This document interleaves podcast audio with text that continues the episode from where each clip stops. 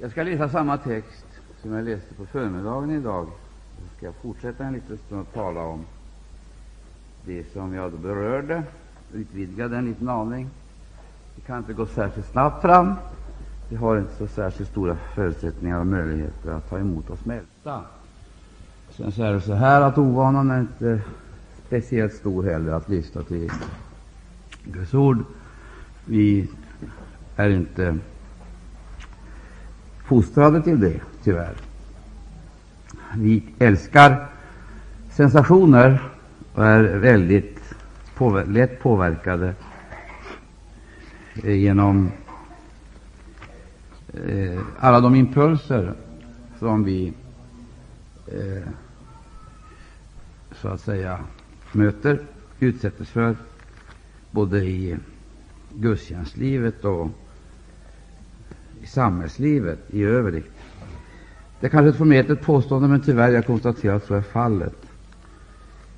För att eh, det blir allt, man kan ju bara säga så här, det blir allt mer sällsynt att Guds folk samlas till bön. Allt mer sällsynt. Och det är ju, som ni alla förstår, en katastrof. Eh, det vill säga, det är ett försvinnande litet fåtal människor som förstår bönens betydelse så tillvida att de tillämpar den. Så, istället då för den här hårda, så att säga, och jag, jag skulle vilja kalla det eh, aktiva bönen, som är ett bultande, ett bestormande, skulle jag nästan vilja säga, så har vi skaffat andra, som vi tror, effektiva medel för att nå människor och för att bedriva verksamhet. Och det är ju bara en lögn. Vi är bedragna, för så är det fallet. Man kan aldrig nå framgång. Det är helt uteslutet att man skulle kunna nå någon framgång utan det som är framgång är förutsättningar, grundförutsättning. Ja, grundförutsättningen det är alltså ett fördjupat beroende. Dessutom så är det allt svårare att samla människor till bibelstudier. Och det beror på flera orsaker. Lättja i något fall, övermod i andra fall. Eller också en slags likgiltighet, ända till cynism. Man är likgiltig och eh, nöjer sig med ett slags mannakornsliv eller någon tumvärstillvaro. Det är ju tragiskt, men så är fallet, och därför ser du tumvärskristna överallt. De har inget rotsystem, möjligen en krona som kan ge blad och grönska, men som aldrig leder fram till frukt. Aldrig. Det är alltså mer eller mindre eh, tillfällig art och karaktär. Det saknar det fördolda livet, ett verkligt rotsystem. Och ett Herrens vittne har ju en förfärlig svårighet i den tiden. Eh, svårigheten är då denna eh, frestas till kompromisser och försöka anpassa sig och vara modern och eh, falla för eh, den här op opinionstrycket, de publika kraven, så att man inte blir alldeles passé och eh, betraktas som ett museiföremål. Titta på de gamla vittnena utöver landet. Var finns de någonstans? De finns i varje fall inte på predikstolarna numera. Vem är det som lyssnar på dem? Gamla gubbar, kallar de dem för. Förbrukade, de tillhör en annan tid, säger man. Så är det de som har alltså myndigheten. Verkligheten är ju den. De har många gånger förråden som de kan då delge oss församlingarna, men de är eh, pensionerade under högtidliga former och eh, lever sitt liv mer eller mindre isolerat och naturligtvis fruktansvärt besvikna, för att inte säga bittra. Eh, man kan fråga sig vem som är skulden till det. Ja, för att göra det enkelt så vill jag bara säga det är du och jag. För vi har varit med och påskyndat utvecklingen till ett mer new age-liknande kristenliv. Och det är väl du och jag som eh, genom våra försumligheter, vår likgiltighet och vår brist på verkligt engagemang öppnar dörrarna för antikristliga vindar och avgrundar. Så är det väl. Kan inte komma undan det. Och jag har inte den minsta tro på att det kommer att bli någon förändring på det här.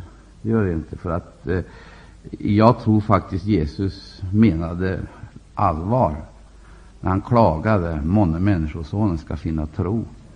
Ja, månne. När inte han så att säga var helt övertygad om att utvecklingen skulle gå i önskad riktning, då har man väl all anledning att lyssna. Eh, och den där frågan verkar väldigt malplacerad. Den placeras i ett sammanhang. Vilket sammanhang? Hela kapitlet handlar ju om bön. Änkan som bad, publikanen som bad. Och eh, den här eh, rövaren, eller vad vi vill kalla honom, publikanen och farisén som bad. Det handlar om bön hela vägen. Och sen så handlar det om att Jesus välsignar barnen och sätter gränser. Han gör klart för de som gjorde försök att han kunde icke acceptera att någon hindrade att barnen skulle komma till honom. Alltså förmenen dem det icke, det vill säga allt som utgör ett hinder, hinder för en sann och intim gemenskap med Herren Jesus Kristus, det måste undanröjas. Och de som står i vägen måste näpsas. Även om det är hans lärjungar, så måste de näpsas. Därför att alla ska till Jesus, inte minst barnen. Det är ju det det handlar om. Ja. Och hela tiden är det ju, det dyker upp hinder, hinder omkring oss, hinder i oss. Det är atmosfärens hinder, miljöns hinder, men hindren också är personifierade och förkroppsliga. Vi är tvåbenta varelser som är mer eller mindre besatta, eller i varje fall influerade av världens ande, ända fram till besättelse. Vi skulle kunna säga så här att Eh, det kristna livet är komplicerat eh, och därmed så gör vi oss skyldiga till en förfärlig felbedömning. Det enklaste som överhuvudtaget finns är kristendomen, men det är vi och samtiden, inte minst världsandan, som gör det komplicerat. Ja, det blir komplicerat och till sist blir det helt omöjligt att vara en enkel kristen. Man blir allt mer religiös och allt mindre kristna. Och Det är alltså problemet.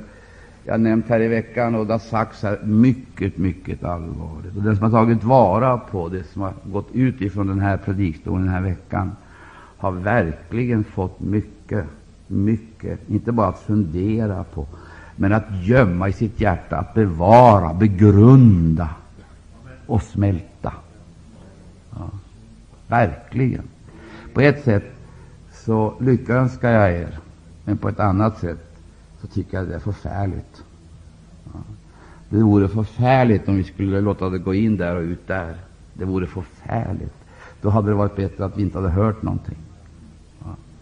Eller om vi skulle låta det gå in där och upp där och dissekera det där uppe. Vi har ju blivit rätt skickliga på allting annat än sann kristendom.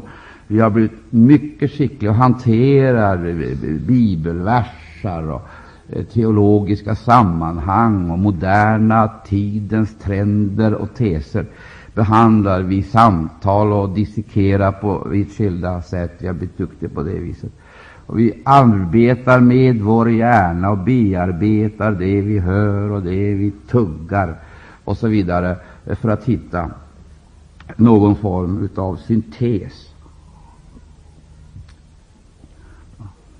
Du, men det får inte gå upp där och stanna där. Då blir det ett månlandskap, kallt och kristallklart, men definitivt ingen värme. Ingen värme. Alltså fruset, nedfruset, men inte något värmegivande eller energigivande. Det måste få sjunka ner i hjärtat. Sjunka ner. Men det är helt uppenbart, om hjärtat är fullt så finns det inte utrymme för Guds ord. Finns det Men vi måste låta det sjunka ner i hjärtat.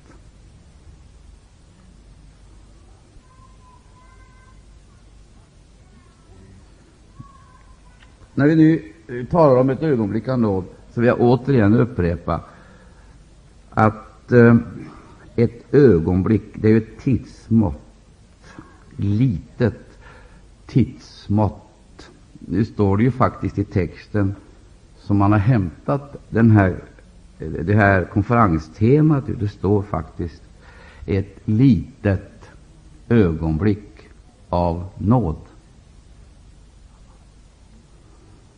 Det är ännu mindre. Du vet, det är någonting alltså, som går raskt förbi. Det kommer och försvinner. Sen när det har gått så kommer det aldrig tillbaka. Det kommer aldrig tillbaka. Vi erbjuds i ett ögonblick denna Guds enorma nåd. I olika situationer, under olika förhållanden.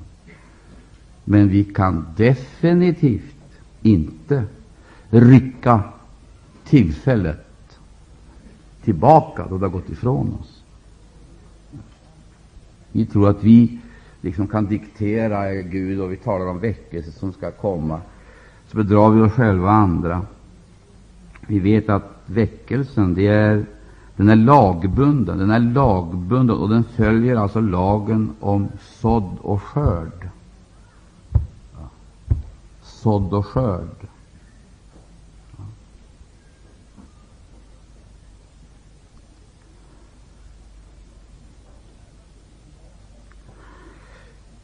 Och det som mera än någonting annat tyder på att nu är det någonting på gång i Andens rike. Så någonting mer än någonting annat. Det är inte det att de kristna blir jätteglada och jättelyckliga. Det som är mest typiskt är att de blir verkligt bedrövade. Verkligt bedrövade. Och att de får syndanöd så de gråter och lider. De gråter, de gråter i timmar och i dygn och i veckor. Därför att de upptäcker sanningen. Den sanning som naturligtvis alltid har varit för handen, men som de inte har förstått och insett.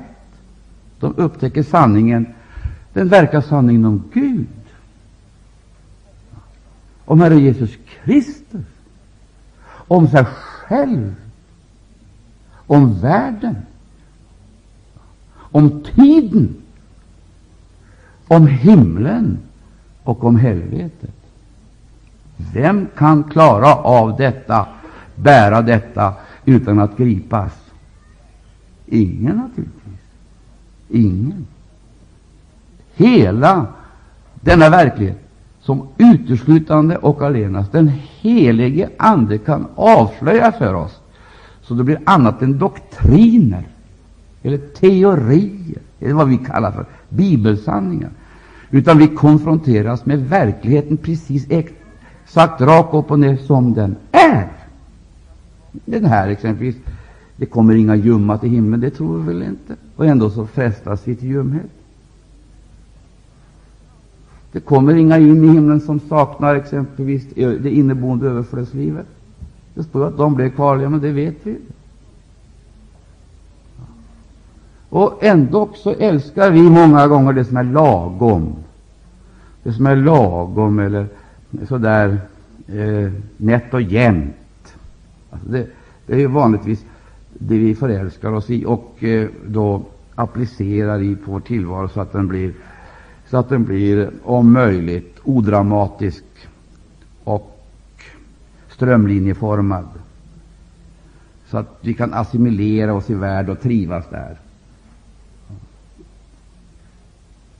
Nå, vi vet ju allesammans, visst vet vi väl det. Det är ingen som sitter här som inte vet att det kommer definitivt inga ljumma hinder. Definitivt inte.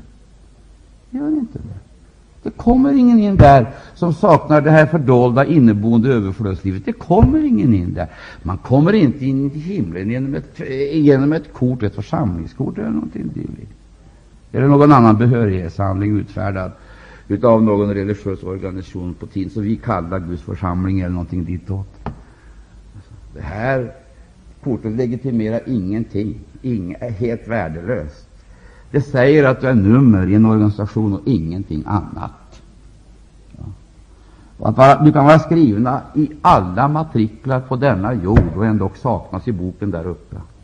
Ja. Så är det. Och du kan saknas i alla matriklar på jorden och vara inskriven i Lammets livsbok. När Jesus kommer så kommer han inte gå till församlingsföreståndaren eller äldstebröderna och fråga stämmer den här Stämmer det här att de är med här i din kyrka, din församling?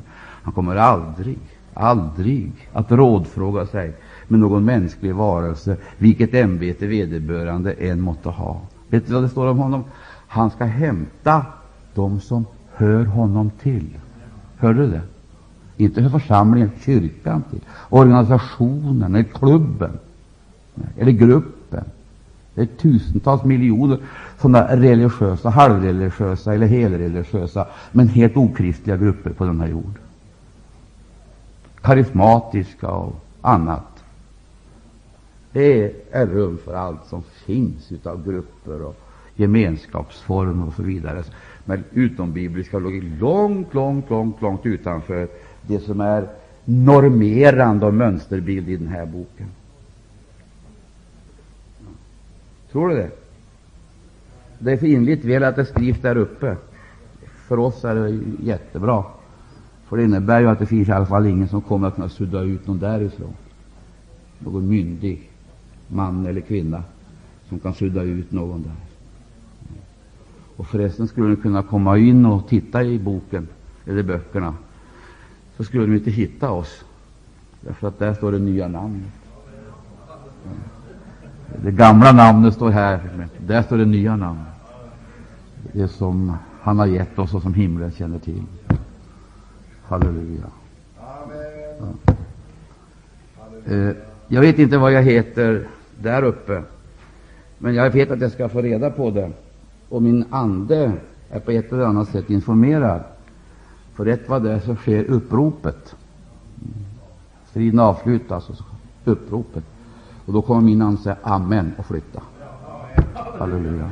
Ära vare. I all hast kommer min ande och säger Amen. Tror du på det? Ja. Det är himlafararna som kommer att kallas hem.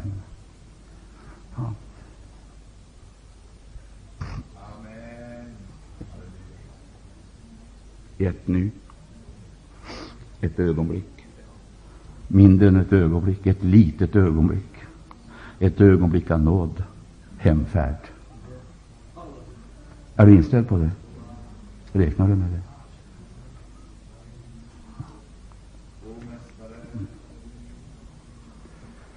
Det finns enormt mycket mer att säga eh, till det här, och jag borde säga mycket mera, och det borde vi göra, för att riktigt ordentligt bearbeta. Vi behöver riktigt prepareras alltså med Guds ord och livets ande. Fjäll måste få falla ifrån våra ögon, så vi upptäcker att Kristus lever, att han är mitt ibland oss och att han utövar sitt välde. Om han inte gör det i våra liv, så gör han det i andras liv. Och han kommer att fullborda och fullkomliggöra sitt underbara verk. Men låt mig få säga det här en gång till, upprepa det en gång till. Vi måste göra klart för oss att vi är inte med eller inklubbade som nummer i en organisation. Det är organisationens arbetsformer, och vanligtvis hör det politiken till. Även om det går med religiösa förtecken, så är det politik. Det är politiskt tal, det är politiska metoder och det är politiska manifestationer. Hela vägen är det fråga om politik. Men det här gäller någonting helt annat än politikens värld, politikens sfär, politikens metoder, politikens maktmedel. För politikens maktmedel är härskande. De är härskande. De härskar över människorna på olika sätt i olika delar av världen och under olika tider av historien. Det är olika i, i, i Stockholm, det är olika i Göteborg, men det är olika i Sverige, det är olika i Finland, det är olika i Europa och i andra länder, det är olika i öst och olika i väst. Men det är hela tiden frågan om den, de makter som härskar över människorna. Och det kan bli som i kyrkorna också, att det blir en härskande makt. Ibland styr man genom självcensur. Det är inte ovanligt att människor blir rädda, fruktande, och därför anpassar de sig Eh, till ett slags moraliskt minimum för att inte bli utsatta för repressalier eller möta andra svårigheter. Därför så anpassar de sig och till och med tillåter att samvetet kränks när de vet att det här är fel. Det här är galet. Och det här är i strid mot Guds ord. Så anpassar de sig för att de vill vara lojala. Lojala mot organisationen, lojala mot samfundet, lojala mot ledningen osv. Det är vanligt och det finns överallt. Ibland tar det sig uttryck i det som kallas för demokratiska former, men aldrig kommer att bli det. Eller det kallas totalitära mönster eller diktatur. Det kan kalla det vad som helst. Det hör alltså världen Och så säger jag kort så här. Allt som är utanför Kristus är världen. Allt. Sen så kan du kalla det för vad du vill. Kyrka, religion, du kan till och med kalla det karismatiska upplevelser. Och, allt som är utanför Kristus, det är världen. Det är egentligen kolossalt enkelt men väldigt svårtillämpbart eftersom, tillämpbart, därför att vi alltså har besmittats och förorenats i vårt tankeliv, vårt känsloliv, vårt viljeliv av samtidens trender och tendenser. Ibland fladdrar vi hit och andra gånger fladdrar vi dit, allt eftersom vindarna blåser.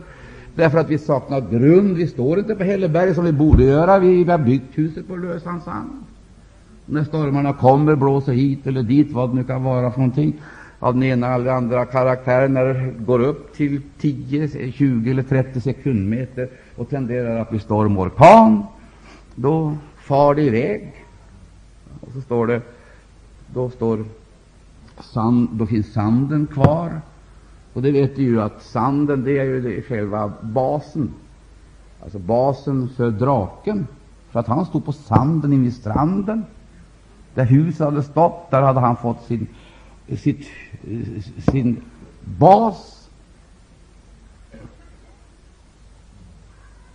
Och det är han som står där och manar fram ur folkhavet det där vilddjuret som stiger upp. Och denne som då draken delegerar makten. Men vad stod det där först? Det var huset. Vad tog det vägen? Det drog iväg med stormen. Vem övertog platsen och rollen, funktionen, inflytandet och verksamheten? Vem står där nu och proklamerar, manar? Vem är det som står där på sanden och manar, proklamerar, manar fram ur djupen? Jag vet att det här inte är lättsmält föda, men den är nödvändig. Vi måste göra klart för oss alltså att vår gemenskap med Herren Jesus Kristus den får aldrig vara ytlig. Och det får aldrig ge rum för lättja, även om vi frestas till det. Och det är därför att det är så kolossalt viktigt att vi kan sätta oss ned och lyssna utan att vi behöver hjälp. Behöver hjälp av effekter. Predikanter att tillåtes försöka mana fram effekter, ett slags effektsökeri. Vi måste få uppleva någonting alldeles utomordentligt, inte sensationer på livets områden. Vi behöver uppleva mättnad, ordets mättnad. Så hungern blir mättad av äkthet, verklighet, realism och sanning. Tror du det, säger jag amen. Vill du ha det, så säger jag amen. Det är detta Herren vill ge oss. Du ska inte testa någonting utifrån rykten du har hört eller eh, eller det du inbilskt eh, så att säga försöker gripa tag i. Du behöver inte ägna dig åt science fiction. Du behöver inte göra. Behöver du inte. Du behöver definitivt inte lyssna på alla de röster som skapar förvirring inom dig och gör till och med Guds eget ord suddigt och luddigt, tvetydigt, tve, och skapar vankelmod och tvehågsenhet. Så säger Herren. Du har ett elementärt behov att få veta vad Han säger. Och Då behöver du inte några schamaner, några gurun, några idoler, några gudar eller några andra, jag skulle kalla det för mer eller mindre väsensfrämmande informatörer, inspiratörer idégivare, exploatörer och profitörer. Halleluja. Låt oss gå tillbaka till ursprunget och så vända rikta vårt hjärta till Herren och höra vad Anden har att säga till församlingarna. Det är ju det vi behöver, är det inte det? Halleluja. Det är tillvaron intressant och innehållsrik. Det här med ett ögonblick av nåd, det är ju så fruktansvärt viktigt att det blir klart för oss att det är inte vi som portionerar ut tiden. För det står klart och tydligt att tiden är en gåva. Och vi skulle kunna säga att tiden är ett mått. Det är en gåva som Gud har givit för att vi ska förvalta den. Det vill säga, och det är ett mått. Vi ska ge tiden innehåll. Det ska du och jag göra. Och ingen ska göra det istället för oss. Och vi ska definitivt inte ställa kärlet, tidsmåttet, till någon annans förfogande än Gud. Det är lätt gjort. Lätt gjort när man blir uppfylld så att säga utav den ande som härskar i världen och man börjar tala om förverkligande, självförverkligande. Har du hört sådant? Att kristna börjar tala alltid om självförverkligande, man ska förverkliga sig själv. Någonting så hedniskt, bottenhedniskt. Det har blivit eh, det, det, det, är inne hos kristna att självförverkliga sig med avseende på sin kropp, med avseende på sin intelligens, med avseende på sin fysiska och psykiska fysisk kraft, med avseende på sina resurser. Så koncentrerar man sig omkring en enda sak. Man ställer alltså man ställer sig själv i centrum, jaget, egot i centrum, och så blir då detta centrum en axel omkring vilket allting rör sig. Jag, jag, jag, jag. Mitt, mitt, mitt, mitt. Och Det här går igen i alla möjliga sammanhang, alla sammanhang, på alla nivåer, smått och i stort, hemma och borta, i kyrkan och över alla, alla andra så, så möter man de här människorna. Man möter dem överallt. Man möter dem på gatorna, på vägarna, på spårvagnarna. Man möter dem överallt. Man möter dem i luften, man möter dem på havet, man möter dem på land.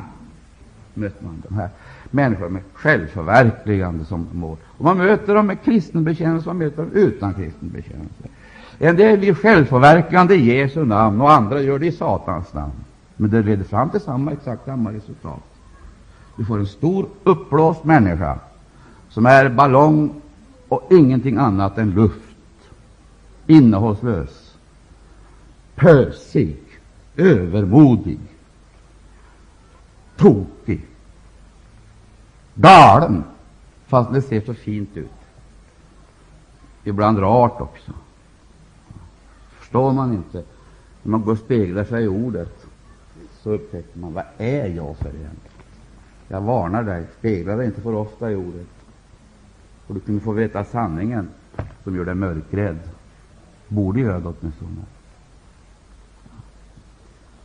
Nej, du min älskade vän, Bibeln gör klart för oss att om man överhuvudtaget ska förverkliga någonting i tiden som bestående, så måste det uteslutande och allenast, uteslutande och allenast, uteslutande och allenast, uteslutande och allenast bli ett Kristusförverkligande.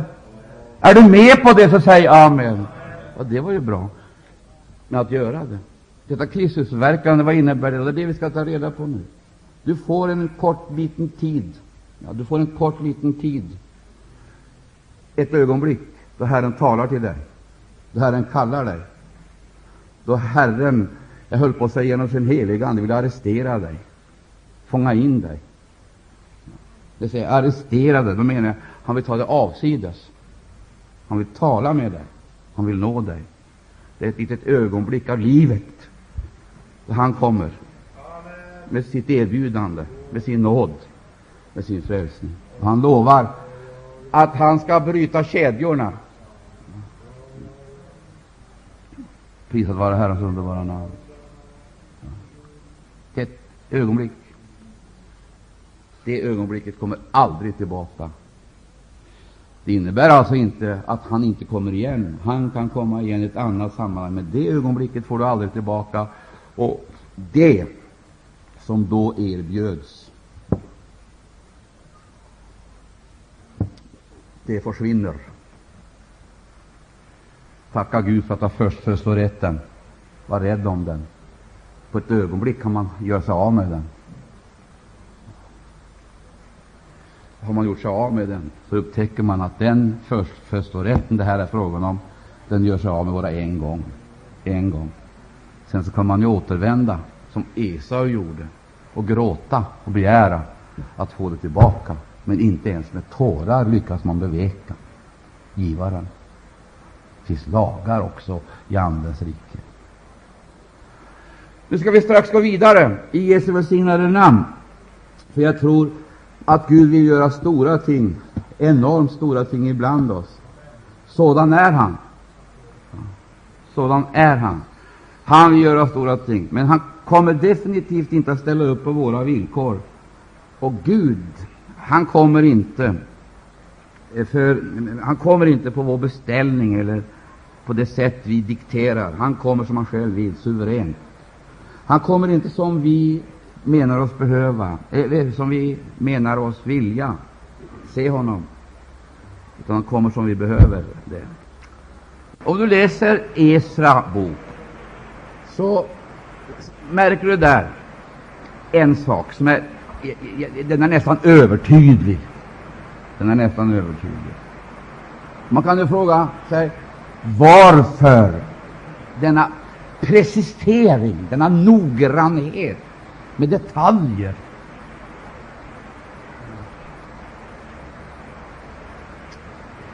Vi kan se det här i stort och vi kan se det i smått. Alltså. Uh, vi vet ju vad Esra bok handlar om. Uh, det handlar ju om judarnas återvändande från fångenskapen. Och det där är inte första gången som man ser Guds folk befrias ifrån fångenskap. Man kan fråga sig hur hamnade de där? Hur hamnade de i denna fångenskap? Och, och, och man upptäcker man upptäcker gång på gång, gång på gång att det är alldeles speciella förhållanden. Man skulle kunna säga så här. Det är, det, det, det är samma sak som går i repris ifrån, får jag kalla det epok till epok, eller från generation till generation. Det verkar som om människan, så att säga, hon är böjd genom denna sin onda natur, så är hon böjd och benägen till upproriskhet till upproriskhet. Hon är upprorisk, fastän Gud öser sin välsignelse över henne och uppfyller alla sina nåderika löften och visar sitt välbehag mot det folk som han har knutit sitt namn till, så besvarar denna människa denna överväldigande kärlek med upproriskhet och norviskhet och bevisar att hon är så kvalificerat fräck så att hon frestar Gud, eller som det heter, frestar Kristus. Det är inte så att, Satan, alltså att hon frestas av Satan. Hon tillåter sig att fresta Gud i sin otroliga stolthet och i sin upproriskhet. Och du kan fråga, hur går detta till, att fresta Kristus? Ja, jag ska tala om för dig en sak, min älskade vän. Vi är inte medvetna om hur vi missbrukar Guds namn. Dagligen och stundligen många gånger missbrukar Guds namn, men visar det, jag skulle vilja säga, fräckaste förakt för Guds namn. Men jag tar inte upp den saken, jag bara nämner det. Vi kan gå in på andra områden. Och vi beder böner som demonstrerar fräckhet, och vi utmanar både himmel och helvete. Vi, eh, vi demonstrerar den här upproriskheten och tror oss vara segervinnare över självaste Satan och börjar med en slags exorcism. Vi driver ut Satan, behandlar Satans namn som han vore eh, en förfärligt eh, underlägsen fiende, så att vi på något sätt skulle stå över honom och ha utrustning och möjligheter att så att säga förakta eller kränka honom. Bibeln säger att inte ens ängeln Mikael uttalade ett vadå, omdöme eller ett nedsättande ord. Vet du vad han sa? Herren näpse dig. Vad vi måste lära oss är att upprätta respekt för andevärldens första och väldigheter. Respekt. Och får inte vi den respekten så kommer rekylen, baklaget. För han återvänder på sitt sätt och gör sina inbrytningar och operationer. Och jag kan försäkra dig att vår religiösa kapacitet den är så liten, den är knappnålshuvudlik. Så liten är den, och intetsägande i Andens värld. Och får inte vi ett möte med Herren Jesus Kristus och får andlig myndighet, så blir vi offer för hans fruktansvärt vidriga religiösa spel. Och vi kommer att bli grundlurade på hans erbjudanden och överbud. För det är det det går ut på. Han vill gärna över, ge överbud. Gå högre och längre och göra oss mäktigare än det Kristus har lovat. Och det ska han göra utan korset, utan försakelse, utan lidande. Det ska han fixa alltså, med de resurser som han har till sitt förfogande. Och de är verkligen inte små. Vad vi måste lära oss är det här. Det finns alltså en andevärld som vi måste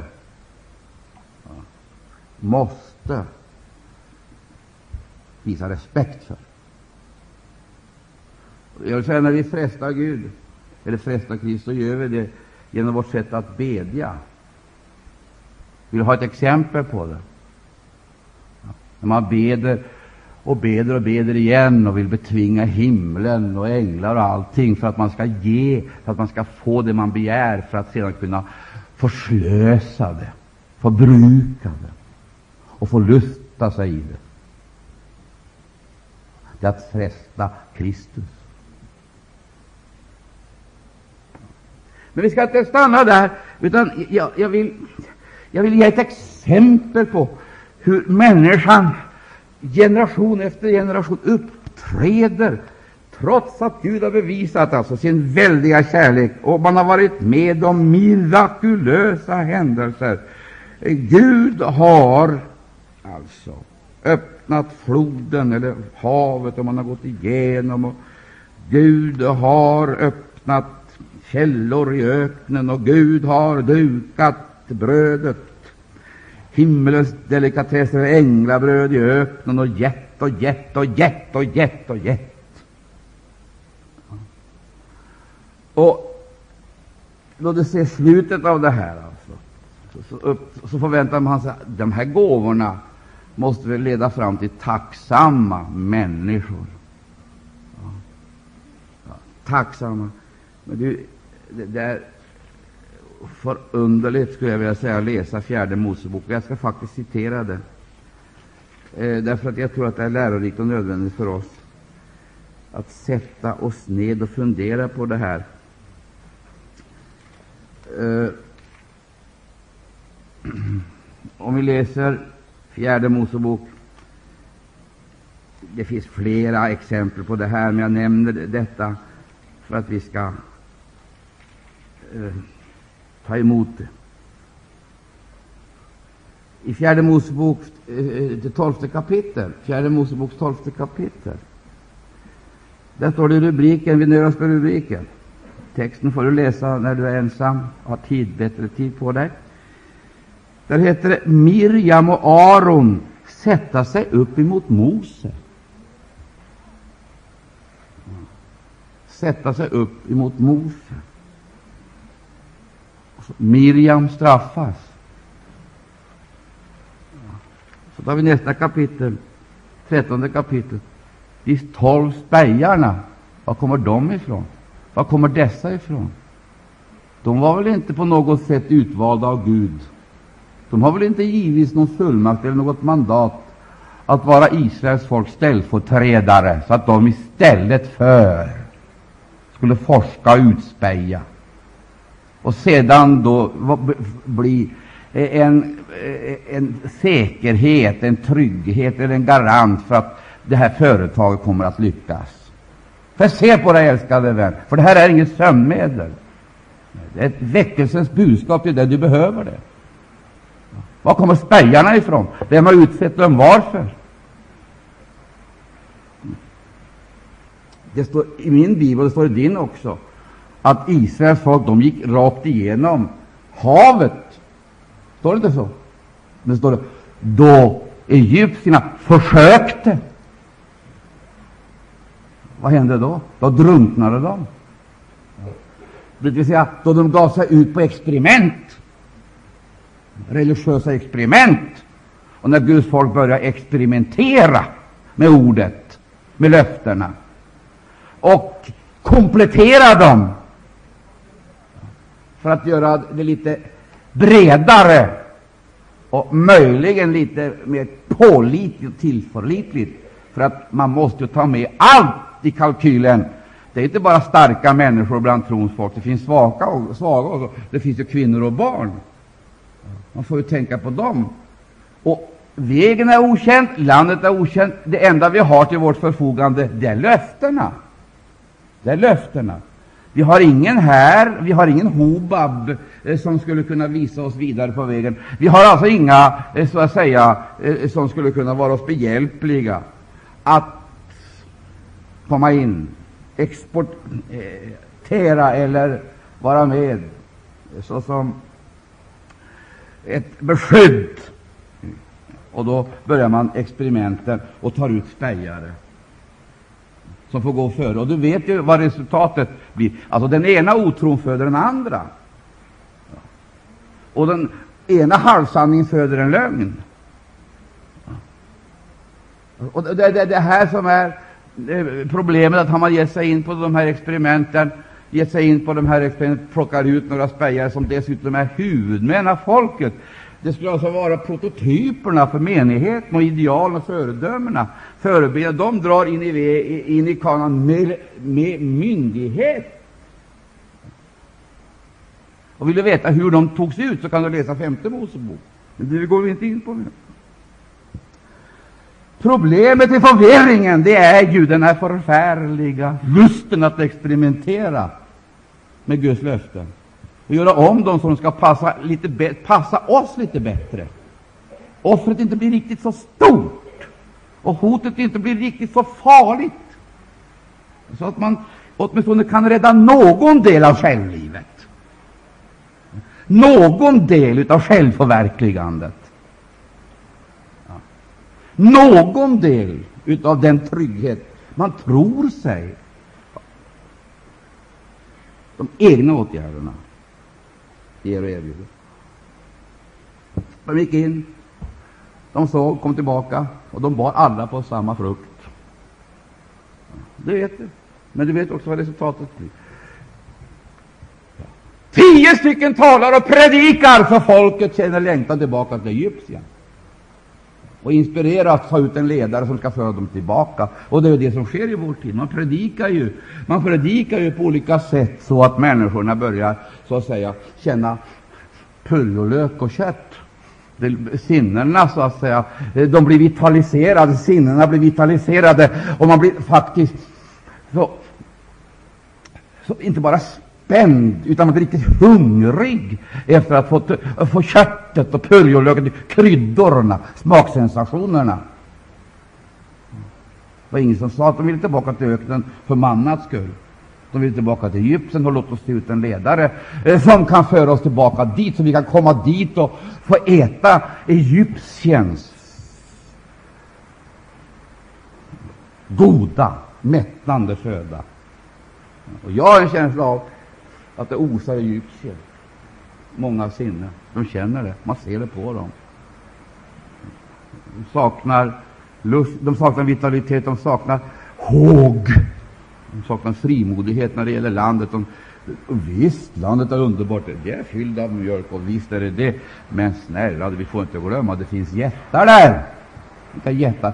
Anaks jättar, och vi kände oss, som vi såg oss vara, som gräshoppor när vi jämför oss med dem. Vi! Vi! Vi såg och vi upplevde. Vi, men vart tog Gud vägen då? Gud hade väl inte gett dem ut i nöd och armod och elände? Guds plan var att frigöra, befria, mätta och fylla. Han ville inte bara väcka dem till liv och aktivitet,